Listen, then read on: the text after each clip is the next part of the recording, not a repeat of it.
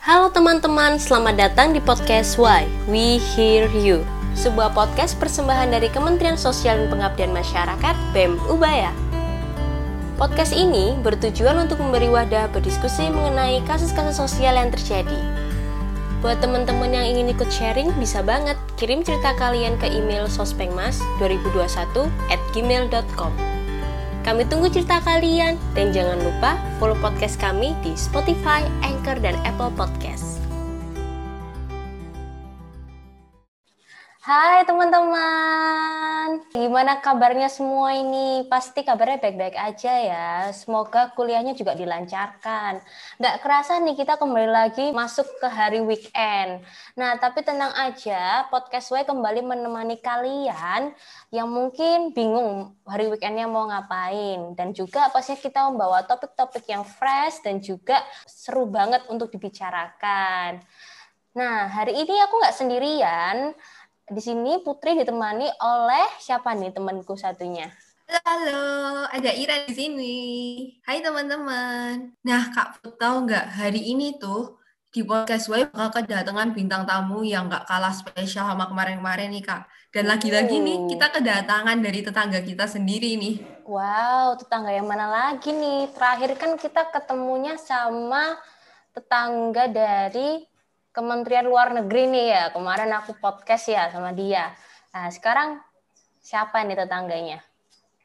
Nah, kali ini nih Kak, kita kedatangan dari Kementerian Dalam Negeri. Saudaranya Kementerian Luar Negeri nih Kak. Oh, Oke, okay. masih saudaraan kelihatannya ya. Iya. Oke. Okay. Mungkin bisa diperkenalan dulu nih teman-teman dari Kementerian Dalam Negeri. Mana nih suaranya? Halo teman-teman pendengar podcast Why. Perkenalkan aku Don dari Kementerian Dalam Negeri. Dan aku Tania dari staf Kementerian Dalam Negeri. Hai kakak-kakak. Wah, hari ini terima kasih banget dah nyempetin waktu untuk kita take podcast. Nih kak, aku ingin tahu kan kita udah kuliah nih ya, udah minggu ke-9. Gimana nih kuliahnya? Lancar-lancar kah? Atau kira-kira ada kesibukan lain tuh selain kuliah? Iya, sejauh ini lumayan ya cukup lancar gitu. Kalau UTS-nya kebetulan belum ngecek gitu ya, jadi kurang tahu gitu gimana UTS-nya. Nah, bener nih, kalau kabar saya sama nih kayak Kak Don. Udah mulai lancar-lancar aja untuk minggu ke-9 ini. Cuma untuk nilai UTS, kebetulan aku sudah ngecek. Ya, syukur kepada Tuhan ya, tertolong. Oke deh kalau gitu. Nah, hari ini kita kan uh, mau membahas mengenai milenial yang cerdas dan membanggakan bangsa. Nah, hal ini dihubungkan dengan Hari Pendidikan Nasional. Nah, mungkin uh, bulan Mei kan ini identiknya dengan Hari Pendidikan, terus um, mungkin banyak banget quote-quote di luar sana yang membahas tentang pendidikan, atau mungkin banyak artikel-artikel juga. Menurut kakak-kakak di sini, uh, mengapa sih kita harus memperingati Hari Pendidikan? Mungkin bisa dari Kak Tania dulu. Iya, Kak Putri. Jadi menurut saya, kenapa sih kita harus memperingati Hari Pendidikan? Karena sebenarnya sih kalau kita mau melihat kembali ya, di kalender itu banyak sekali ya hari nasional ya kakak-kakak. Nah, tujuannya dibuat Hari Pendidikan sendiri ini sebenarnya untuk memperingati dan mengingatkan kembali pada generasi di Indonesia, entah itu generasi muda atau mungkin generasi yang lebih tua, bahwa pendidikan itu penting. Jadi seolah-olah ada event tertentu atau hari tertentu yang memang dikhususkan untuk kita mengingat kembali apa sih makna pendidikan buat kehidupan kita sebagai manusia. Wah, bener banget ya dikatain Kak Tania bahwa pendidikan itu penting sekali dan uh, hari pendidikan ini dibuat supaya kita sadar bahwa pendidikan ini patut diperingati seperti itu. Nah, kita tahu banget kan ya kalau ikon terkenal dari bidang pendidikan di Indonesia ini adalah Ki Hajar Dewantoro. Nah, aku mau tanya nih ke Kak Don, kira-kira Ki Hajar Dewantoro ini sejarahnya seperti apa sih? Apa bisa menjadi ikon yang penting di bidang pendidikan Indonesia? Iya, sejauh yang aku ketahui sendiri gitu ya, Ki Hajar Dewantara itu merupakan sebuah sosok yang bisa dibilang cukup penting gitu ya dalam masa masa-masa kemerdekaan Indonesia. Di mana dia berperan penting, dia memiliki peran sebagai aktivis gitu dan salah satu yang paling dikenal gitu dari Ki Hajar Dewantara yang hingga sekarang kita masih peringati adalah kontribusinya terhadap edukasi di Indonesia gitu ya. Merupakan salah satu tokoh yang memberi, yang mendasarkan sistem edukasi pertama di Indonesia gitu. Dan berdasarkan apa yang tadi sudah sempat saya baca-baca sedikit gitu ya, mungkin salah satu hal gitu yang menurut saya juga uh, patut dihormati gitu ya. Salah satunya adalah perubahan nama sendiri. Ki Hajar Dewantara bukan nama lahir dari tokoh itu sendiri gitu. Uh, Bapak Ki Hajar Dewantara lahir dengan nama Raden Mas Suwardi Suryaningrat, di mana dia merupakan keturunan dari uh, keluarga kerajaan gitu ya di Jawa. Tapi dia sendiri memutuskan untuk merubah nama menjadi Ki Hajar Dewantara sebagai salah satu bentuk untuk mendekatkan diri dengan masyarakat Indonesia.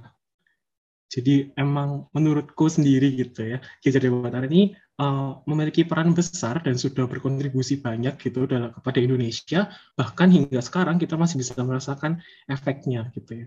Oke, nah uh, dari Ki Hajar Dewantara itu beliau memiliki suatu semboyan yang cukup terkenal ya kan, yaitu Ingarso Sungtulodo Ing Matyo Mangun Karso Tutwuri Handayani. Nah, apa sih yang bisa kita ambil atau pelajari dari semboyan yang dimiliki oleh Ki Hajar Dewantara, terutama uh, kita sebagai generasi milenial nih ya, gimana nih kita uh, bisa mengambil makna tersebut? Mungkin dari Kak Tania. Ya, jadi dari tiga semboyan itu mungkin saya jabarkan satu persatu ya. Yang pertama adalah Ingarso Sengtulodo. Itu kalau kita artikan, artinya adalah seseorang pendidik harus memberi teladan atau contoh tindakan yang baik karena dia berada di depan. Nah, pendidik di sini tuh belum tentu guru, belum tentu orang tua, bahkan kita sendiri sebagai teman itu bisa menjadi pendidik untuk orang lain. Nah, kita harus memberi contoh sebagai kita di depan ya. Dan istilahnya orang yang di depan itu biasanya pemimpin ya.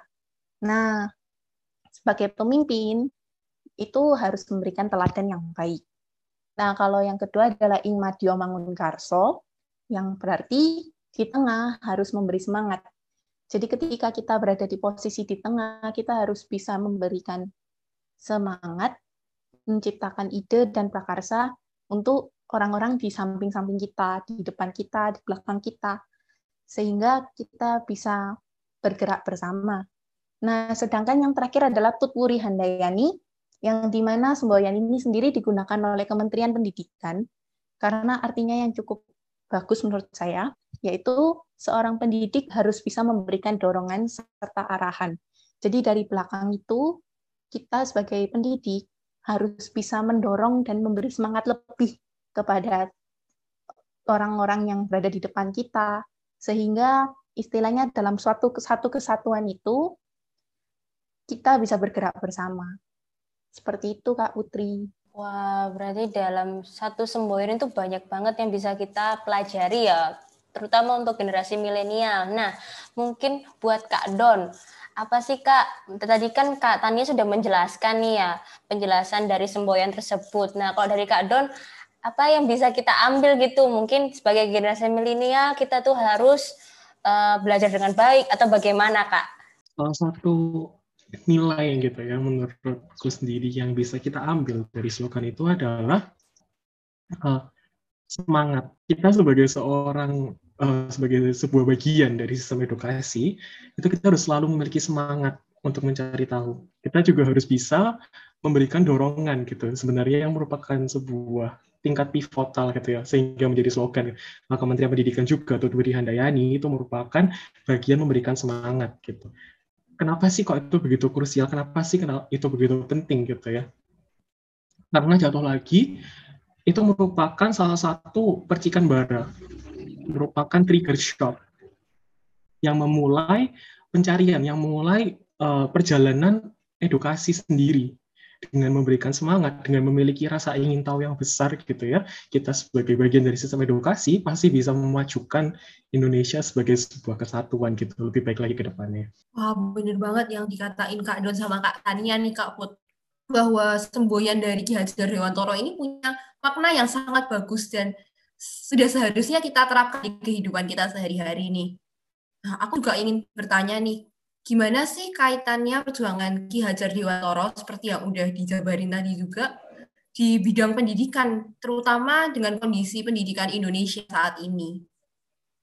Kalau menurut dari Kak Don dulu seperti apa? Ketika kita mencoba mencari tahu gitu ya korelasi antara apa yang sudah uh, dilakukan oleh Ki Hajar Dewantara dengan kondisi pendidikan kita pada saat ini, yang bisa aku jawab pada saat ini adalah itu merupakan sistem dasar gitu ya. Apa yang sudah disiapkan, apa yang sudah dibentuk, apa yang sudah diidealisasikan oleh Ki Hajar Dewantara itu menjadi balok dasar, balok pembangun dari sistem edukasi yang kita miliki sekarang, di mana setiap orang itu memiliki kebebasan, memiliki kemerdekaan untuk mencari edukasi, untuk mencari pendidikan, untuk mencari pengetahuan, dan mereka memiliki akses yang bebas juga di sana.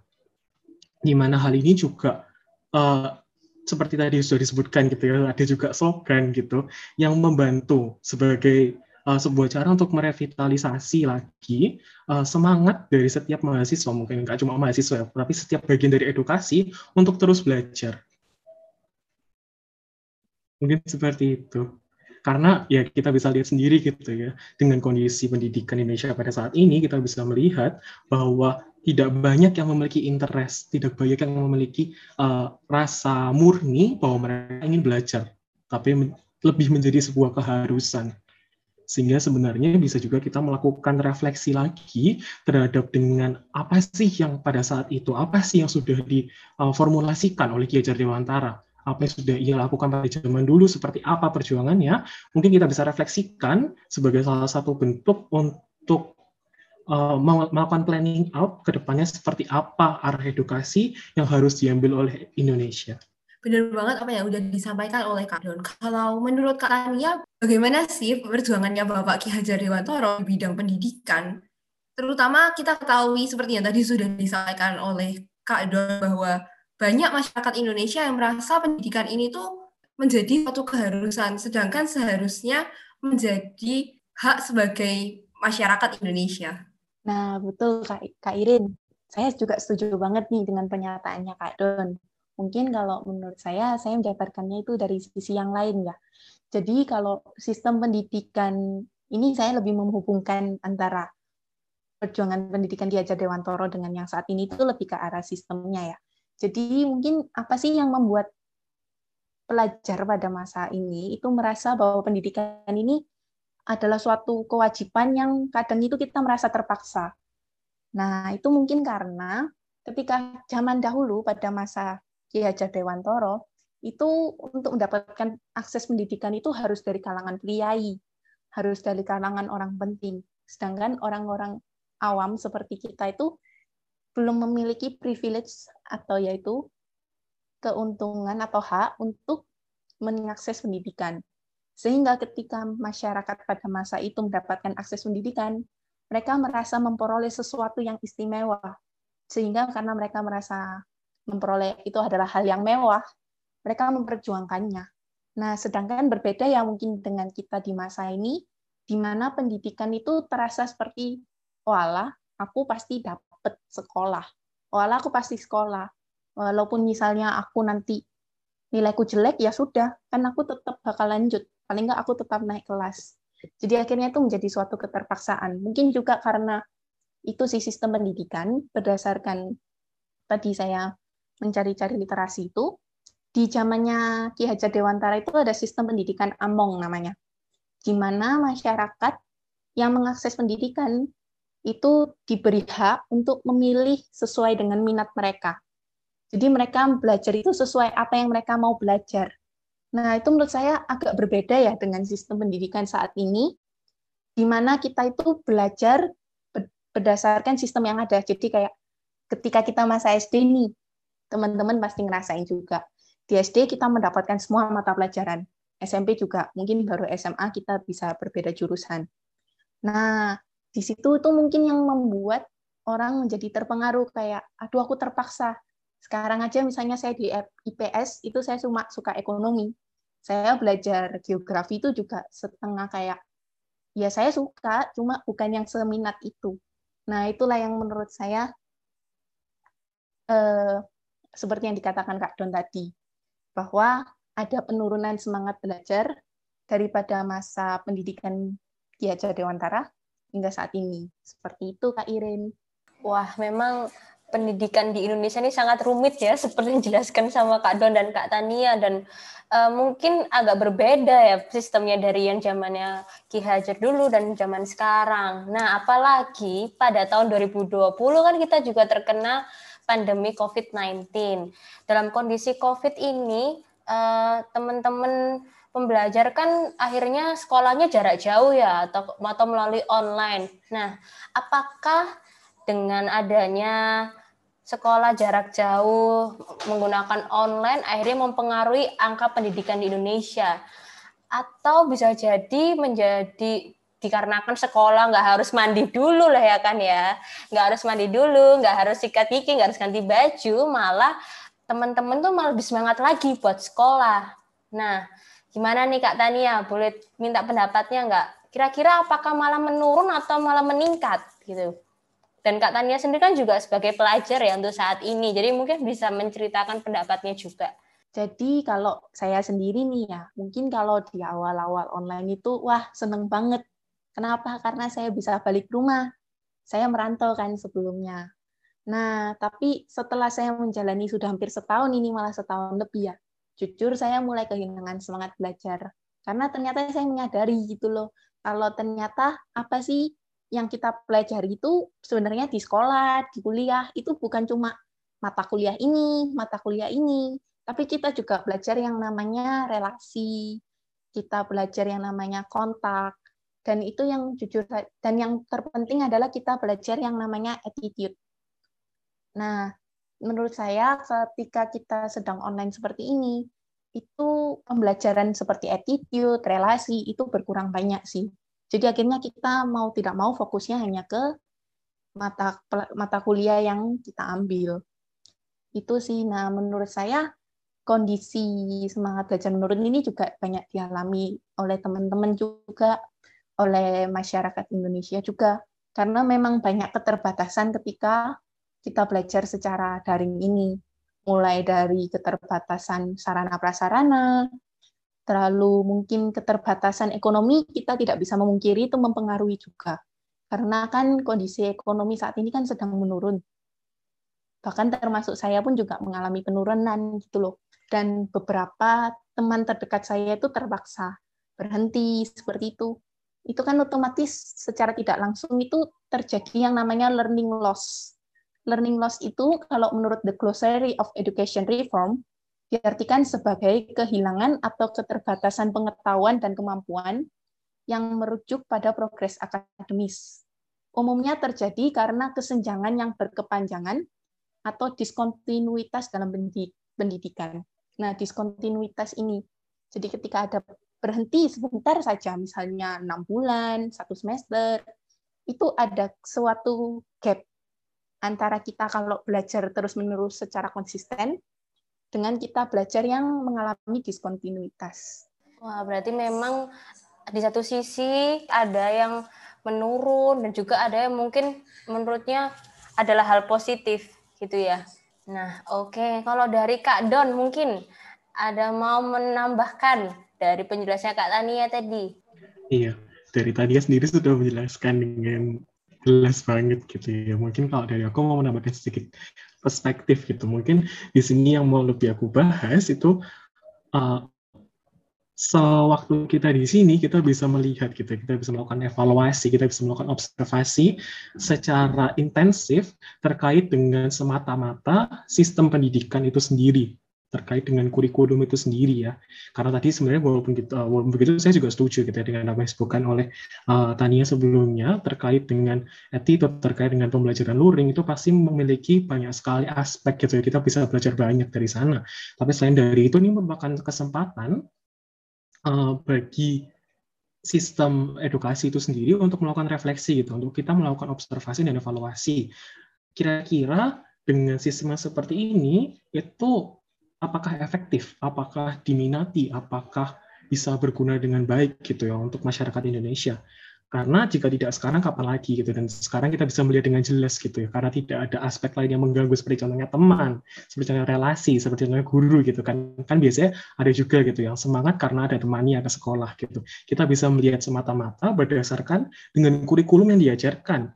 Apakah dengan seperti itu sekolah atau sistem edukasi tetap memiliki minat yang sama? Apakah mereka tetap bisa memberikan pengajaran dengan efektivitas yang sama? apakah materi-materi yang disampaikan bisa diserap dengan baik, apakah seperti itu? Kita mungkin bisa melihat gitu, kita bisa melakukan evaluasi dengan jelas seperti apa. Dan dengan begini kita bisa melakukan betterment, kita bisa melakukan improvisasi, kita bisa memperbaiki lagi dari sistem yang sudah ada, kira-kira bagaimana kita bisa perbaiki sehingga menjadi sistem edukasi yang lebih bagus lagi bagi Indonesia. Jadi uh, ini mungkin lebih ke arah yang jenjang lebih luas gitu ya kalau yang dari sudut pandang aku mungkin seperti itu aja Wah, benar banget sih apa yang udah dijelasin sama Kak Don dan Kak Tania tadi.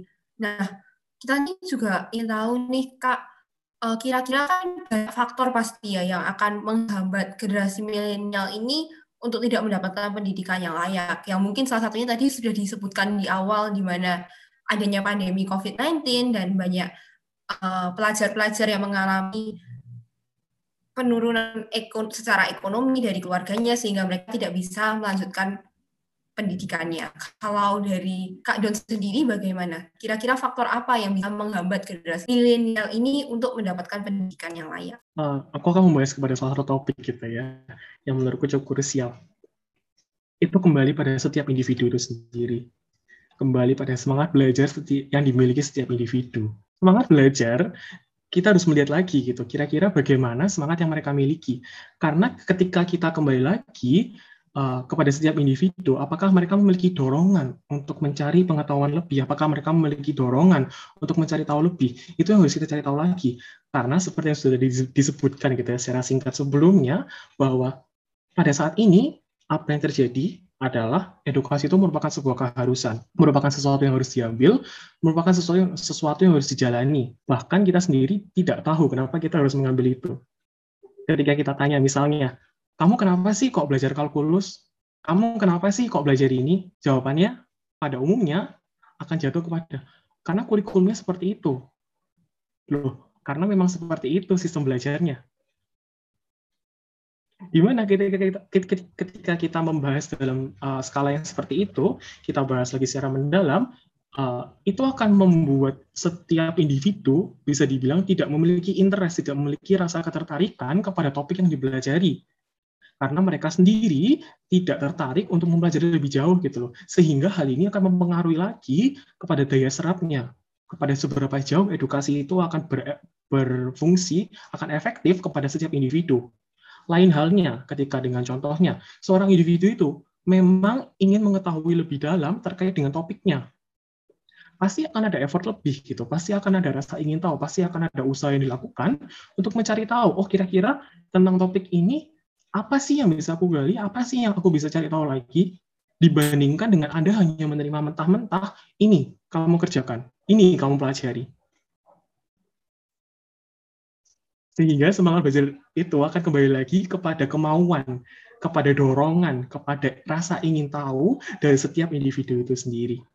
Jadi di sini aku akan membahasnya lebih ke arah setiap orang gitu ya bahwa kembali lagi semangat belajar di generasi milenial ketika kita melihat gitu ya trennya gitu dari generasi yang dulu hingga generasi yang sekarang kita bisa melihat bahwa Gen Z itu memiliki karakter yang lebih kuat gitu ya. Mereka lebih dominan mereka lebih berani berbicara mereka memiliki yang bisa dibilang attitude gitu ya. Sehingga aku bisa mengatakan bahwa semangat belajar dari mereka sendiri secara individu merupakan hal yang penting di mana ketika seorang individu sudah memutuskan, oke, okay, aku nggak akan kuliah, itu sangat mungkin untuk dilakukan.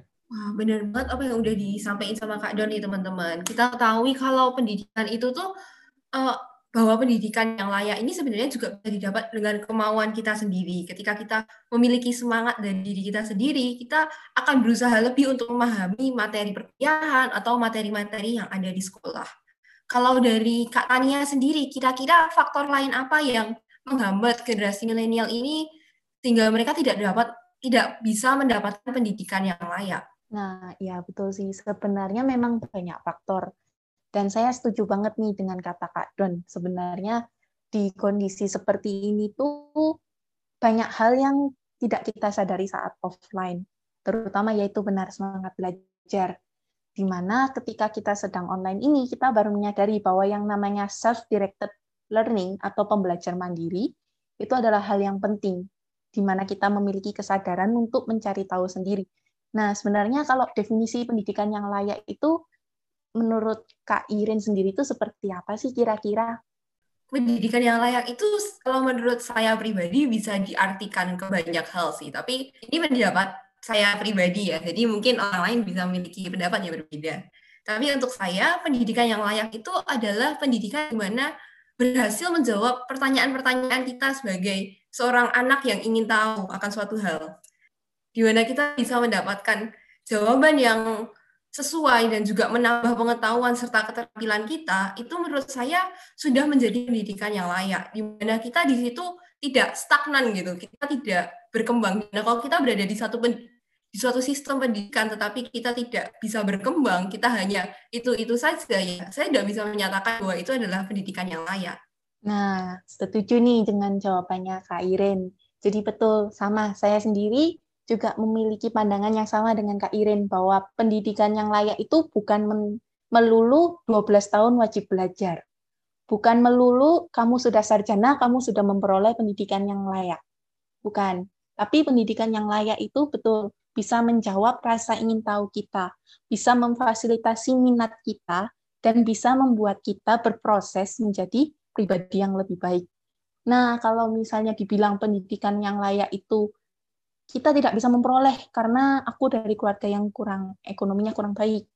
Oh, aku dari keluarga yang lebih baik kamu di rumah aja daripada kamu jadi sarjana, misalnya kayak gitu. Menurut saya sebenarnya pendidikan yang layak masih diakses walaupun kita memiliki keterbatasan. Karena pendidikan yang layak itu tidak melulu melulu melalui sektor formal, tetapi bisa melalui sektor informal. Ketika ini saya memberi pandangan saya mengenai desainer ya kan kebetulan saya juga di bidang itu. Jadi ketika kita desainer tidak mengambil pendidikan yang formal, tapi kita jalan aja misalnya jalan-jalan, dapat ide, kita eksekusi, itu sudah merupakan suatu proses belajar. Suatu proses kita mengakses pendidikan yang layak. Nah, jadi di situlah eh, sebenarnya tantangan terbesar betul sesuai dengan saya setuju dengan Kak Don bahwa tantangan terbesar milenial memperoleh pendidikan yang layak adalah mau atau tidaknya Anda belajar. Mau atau tidaknya Anda berproses menjadi pribadi yang lebih baik, baik untuk diri Anda sendiri, untuk orang-orang di sekitar kita, atau mungkin secara nasionalis untuk negara kita. Wah, memang banyak sekali ya faktor-faktor yang mempengaruhi para pelajar tidak mendapatkan pendidikan yang layak. Nah, tadi kan faktor-faktornya. Sekarang pertanyaannya adalah bagaimana cara mengatasi permasalahan dari faktor-faktor tadi itu. Nah, mungkin dari Kak Don bisa dijelaskan ada nggak sih cara untuk mengatasi permasalahan tadi? Terkait dengan solusi dengan masalah yang kita hadapi, kembali lagi masalah yang kita hadapi merupakan masalah sebagai sebuah kolektif, sebagai suatu masyarakat Indonesia. Sehingga ketika kita mau membicarakan solusinya, perlu dilakukan diskusi lebih lanjut tentunya ya secara kolektif, secara bersama-sama dengan pribadi-pribadi atau individu lain untuk membahas kira-kira seperti apa gitu. Dan uh, sebelumnya tadi sebelum uh, ke podcast ini gitu, uh, saya sendiri sempat mendengarkan salah satu TED Talk yang diadakan oleh Najila Shihab gitu membahas tentang edukasi di Indonesia. Dan dari apa yang sudah beliau katakan gitu saya cukup setuju di mana salah satu solusi yang mungkin ditawarkan oleh beliau adalah kemerdekaan belajar, di mana tadi juga sudah sempat saya singgung gitu ya, terkait dengan keinginan, terkait dengan refleksi. Jadi kita uh, harus ada reformasi pada sistem edukasi yang sudah ada pada saat ini. Di mana menurut saya, saya pribadi gitu ya, salah satu kunci pentingnya akan jatuh kepada keinginan dan kemauan dari setiap individu untuk mencari tahu informasi lebih lanjut, untuk mencari pengetahuan lebih lanjut. Di mana ketika kita akan melakukan reformasi sistem yang cukup besar gitu, kita pasti tidak bisa 100% menjamin kira-kira akan berhasil atau sukses atau tidak. Tapi ketika kita melihat gitu ya pada saat ini, sistem edukasi yang sedang kita jalani, ketika kita bandingkan dengan bila 50 tahun yang lalu, 100 tahun yang lalu, kita akan melihat perbedaan yang sangat sedikit. Padahal ketika kita bandingkan, masanya sudah sangat berbeda urgensi, permasalahan, perkembangan, semuanya berbeda. Tetapi sistem edukasi yang kita miliki masih memiliki kemiripan yang tinggi, di mana menurut saya ini merupakan saat di mana harus ada reformasi edukasi untuk memperbaiki, untuk untuk maju lagi gitu ya. Jadi mungkin di sini solusi yang mungkin bisa saya berikan terkait dengan permasalahan kita hadapi adalah kita harus bisa melakukan sebuah reformasi pendidikan sistem edukasi itu sendiri, merubahnya menjadi salah satunya dia adalah self-directed learning gitu ya. Ketika pembelajaran dilakukan sesuai dengan kemauan Anda sendiri. Ketika Anda belajar, terlebih lagi seperti contohnya di tahap sarjana pada saat ini, Anda akan belajar apa yang Anda mau, bukan apa yang diharuskan. Idealis banget gitu ya. Walaupun begitu, ini bisa dibilang emang ini dalam bicara dalam konteks yang sangat idealis gitu. Kita akan bicara bahwa ketika setiap orang itu bisa memilih apa yang mereka mau belajar sendiri, itu bisa dibilang akan menjamin mereka memiliki rasa ingin uh, ingin tahu yang lebih banyak, interest yang lebih tinggi, sehingga itu akan bisa menjamin mereka akan belajar lebih lanjut, mereka akan belajar lebih jauh di topik itu sendiri. Oke, dari jawabannya Kak Idon tadi kita tahu bahwa ada banyak hal yang bisa kita lakukan untuk meningkatkan semangat kita ya dalam belajar.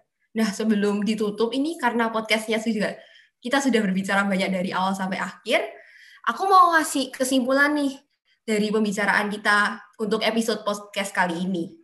Nah, kesimpulannya adalah kita sebagai milenial seharusnya tidak memandang pendidikan sebagai beban, tetapi sebagai hak pendidikan juga tidak serta-merta harus formal seperti kuliah di universitas, tetapi ada banyak jalan lain untuk menambah pengetahuan kita.